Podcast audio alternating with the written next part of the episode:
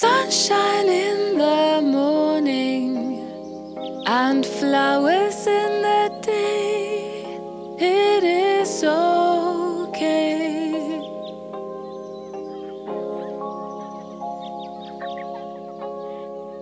Laughter from the garden where children play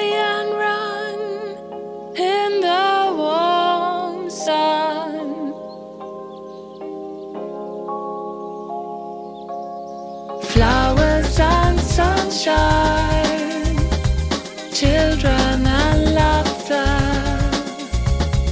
These are the things that keep me alive.